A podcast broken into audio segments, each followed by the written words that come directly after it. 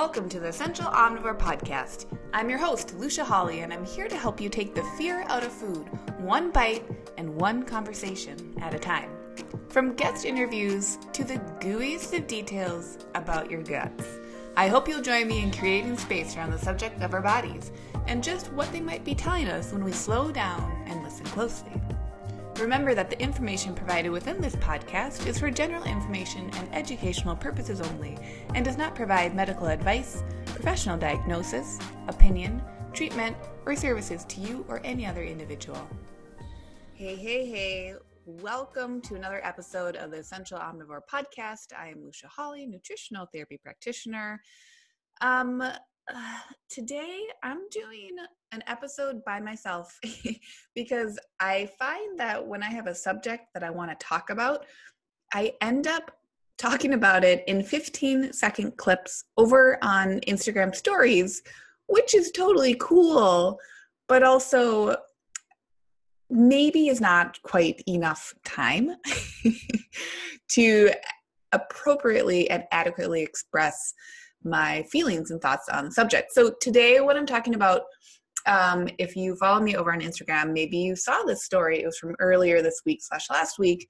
I'm talking about how we can conceptualize some differences between the term diet and dieting and the term diet dietary preference because i think there are some differences between those and um, I know for me, when I'm talking about health and wellness, I will stray away from the use of the term diet because that term is so packed full of different um, feelings and issues and that can be good and fine but at the end of the day um, i want to make sure that we just feel like hopefully all of us have a little bit more ability to suss out when something is feeling diety in the restriction mindset or idea of the word, or when something is feeling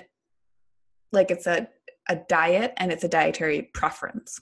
So let's, I have a list written out. Let's talk about some of these differences. So to me, and again, you know, this is like my opinion. So just remember that a diet and dieting, for me, that use of that term and how we use it in our culture right now is with the idea that it is something that is happening in the short term. And I want to let me pause right there and preface it with this dialogue. I don't want to make diets into good or bad things. I think they can have a purpose. I think they can have a utility, but that utility is so specific. And that's what I want to get at today. So, going back to it, diet slash dieting, in its most ideal form, a diet is a short term change in how we are consuming food. Okay? A dietary style or a dietary preference on the other hand, is a or can be viewed as a longer term choice. So this then pivots us into diving deeper into what the difference between short term and long term is. So with a diet slash dieting, typically a diet is something, it's a protocol that is lacking something and it's coming from a place of restriction we're changing up if we're talking about food we're changing up our food in such a way that we are making sure that our body is getting the hint that it needs to be changing its processes whether that is for weight loss or weight gain um, or from a health and wellness standpoint whether that is an elimination um, style type of diet then that could be for health and wellness from the gut to the skin to our colon to our brain.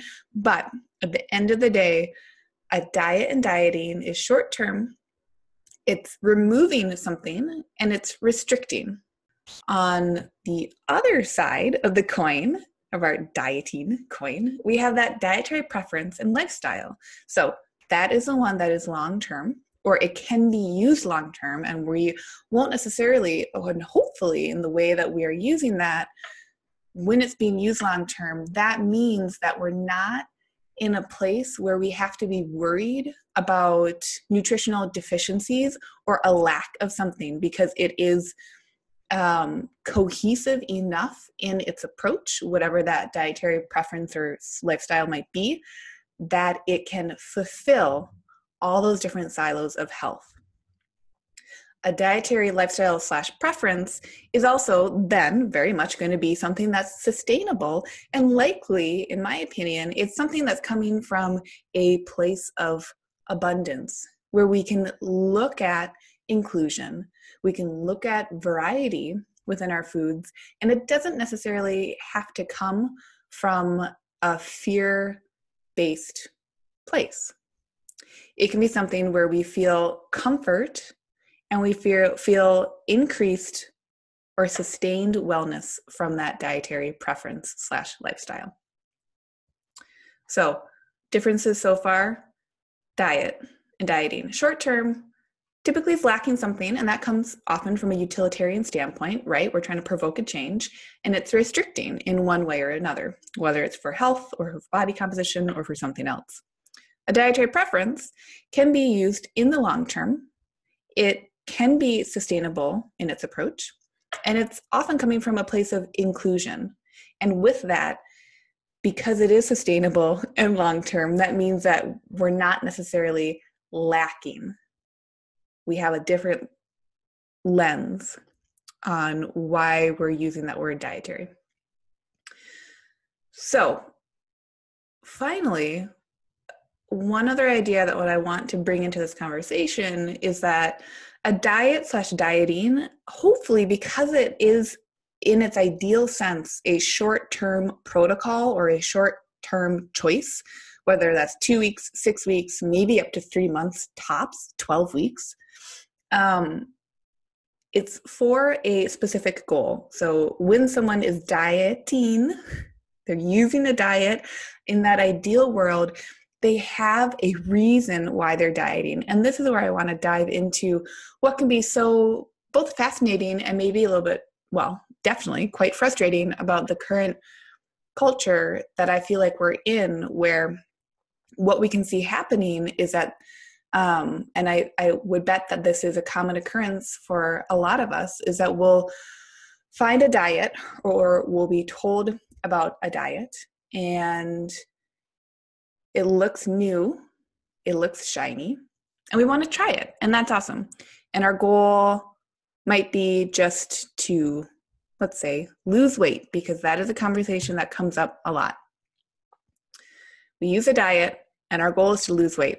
Unfortunately, with that description alone, in our ideal discussion about a diet and dieting, I think what can be so useful is making sure that there is a, and this makes me feel like a high school teacher, there is a SMART goal, meaning it is a specific, a measurable, an attainable, a relevant, and a timely goal. And I think this part, if we could insert this part into any sort of diet, body composition or health diet, like an elimination style diet, I think this could be what could help pull dieting from this icky, icky place of negativity into what I think we all wish it would always be or hope that it could be, which is a more utilitarian style of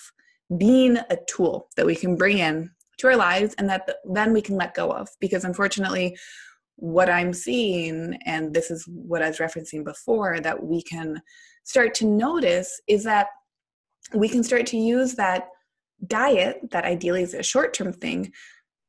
If it doesn't go well what happens? What what is it that we typically end up doing? Well we flip over to a different diet and we try that for a little bit and we have the same goal of just trying to make something change and then what happens eh, a lot of, of the time it doesn't quite really work out. So maybe we take a break or we get frustrated or we blame ourselves or we get mad at ourselves or we rebel against this more nebulous concept of being on a diet that didn't really do its thing. And then what happens? Well, we build up some energy and we probably try another diet. Hopefully, what this is illustrating is that where a diet and dieting can start to lose its efficacy is when we start to use it in the long term because that is exactly what's happening when we take a diet and we keep trying we keep trying we keep trying we keep trying we keep restricting and we're not getting to the goals that we want and we might not actually have even set a goal for ourselves and we might not have set a smart goal that we can really know when we can check away those boxes and say hey I did it and now I can move forward. So we can get stuck in this long term cycle of being on a diet, which I would bet uh, quite a few, perhaps some of you listeners, have experienced that. Or if not, you might have someone in your life who has experienced that. Um, and unfortunately, I think that is where diets get into a really disempowering space and they get extremely toxic. And um, what I hope we can think about instead, um, well, let me let me talk about dietary preferences because I, I have been a little bit vague in describing all of these because there's so many different ways that we can take what a diet is, or we can take what a dietary preference is. So let's talk about dietary preferences then. Typically, how I see these working out is that people start to make goals for sure around food and wellness, but they also start to identify specifics around foods and which ones work for them to include and which ones they're able to hold off on or at least create parameters around that feel like they are contributing long term health and wellness. And this can look really different for a lot of people. For some people, that might mean that the one thing that they're looking at is being mindful of the difference between processed and unprocessed foods. How that shakes out, well, that's going to depend uh, on the person and what their schedule is. Maybe that means that most days of the week, they're able to emphasize those unprocessed foods because they now have conceptualized that those unprocessed foods help them feel more like themselves. And that's a long term goal that they enjoy pursuing. And because of that ability to look at inclusion, it also then rivals that idea of the diet, where the diet is coming from restriction versus dietary preference or lifestyle that is working on inclusion. Because we don't need to come from a place of scarcity we can come from a place of abundance with food and nutrition. The last thing i want to say about dietary lifestyle slash preference is that i think at the end of the day what can help make that feel less like dieting if someone is kind of confused if you're like man I don't know where I'm at. I can't tell if this feels like a diet or this feels like lifestyle. If we can step back and notice, okay, at the end of the week, at the end of the month, at the end of the year, do I feel like these choices that I'm making from a food and nutrition standpoint are they contributing longitudinal ease to my life? In the nitty gritty, there's likely going to be more effort put into what that dietary preference or lifestyle means, right? So by ease, it might not necessarily be like, okay, I'm never going grocery shopping, I'm never seeking out these foods that work in my system, but is there bang for my buck with this dietary choice? If there is, and it feels repeatable for the long term, then I'm going to bet that that is likely a dietary preference or lifestyle versus a diet and dieting. I hope that makes sense. So, some questions to consider if you're not quite sure with what is going on and you're trying to figure out where am I coming from with my food and my conceptualization of my food and my food intake. Here are some questions. Number one Who is this for? Is this for me? Is this for an ideal form of me? Is this for someone else? Is this for me, but it's because of pressures that I feel, spoken or otherwise, from other people or culture? How long is this for? Right? This is, I think, a key difference between diet, dieting, and dietary lifestyle, dietary preference. Is it for a specific amount of time that I can quantify? Or is it unending and it continues to stretch on? Whose idea was this? I think this is also a really big one. Was it your personal idea to try out these dietary changes? Or was it maybe put upon you? Or were you influenced by someone in a way that either really resonates with you because that happens or does it not resonate with you? That's going to be a really personal part to consider. And finally another question to consider is who is backing up the claims around this dietary preference or this diet and that can be a really tough one to figure out, especially if you're already interested in nutrition and food or um, you're in this world of food and nutrition really being a trend. Who is backing up the claims and to what degree are they coming towards this style of eating? And maybe suss out, maybe take some time and write down is this coming from a diet or dieting mindset, or is this coming from a dietary preference, dietary lifestyle mindset? If someone is backing up the claims, do they have that evidence to show if that diet or dietary style is working? If they're coming from that diet standpoint, do they then have a protocol or a way to leave the diet and make sure it stays short term? I think that is a key part of a diet. And if it's a dietary lifestyle or preference, are they able to speak to how it can be sustained and why it is sustainable?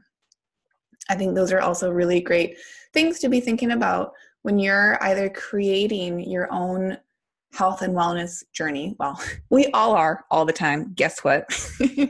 but if you're looking to be kind of fine tuning it and creating some ideas around that, are the people who are backing up these different styles of eating are they able to really substantiate their claims and how and why are they doing that and likely i think if we give it more time and we're able to step back and think about it, even for a few minutes, um, I think it can start to become clear whether a style of eating is coming from a place of dieting or if it's coming from a place of dietary lifestyle.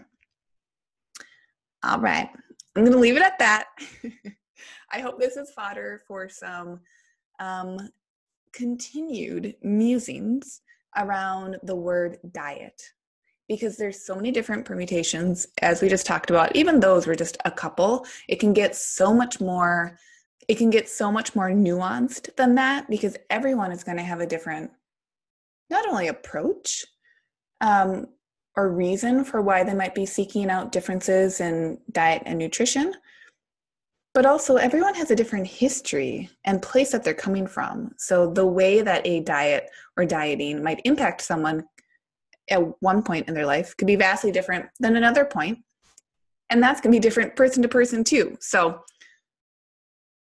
at the end of the day i think taking if this is something that is resonating with you and this is a subject that you're like yeah i want to i want to think about this a little bit more my idea and not a new idea is to take some paper and write down, make a couple different columns and notice with where you're at with food and nutrition, if it's not feeling um, sustainable, or maybe if you know that it's not sustainable, there doesn't have to be judgment around that because everyone has these different reasons for why they might be using a diet. Again, we're not making diets bad here, but why they're using a diet or why they're using a dietary preference or lifestyle and really assessing out the whys behind that. I think can go a really far way into helping someone pivot if they feel like pivoting is needed. Hey, thanks so much for joining along on today's episode. For full archives of past episodes, hop on over to essentialomnivore.com or subscribe to the Essential Omnivore podcast on Apple Podcasts or Stitcher.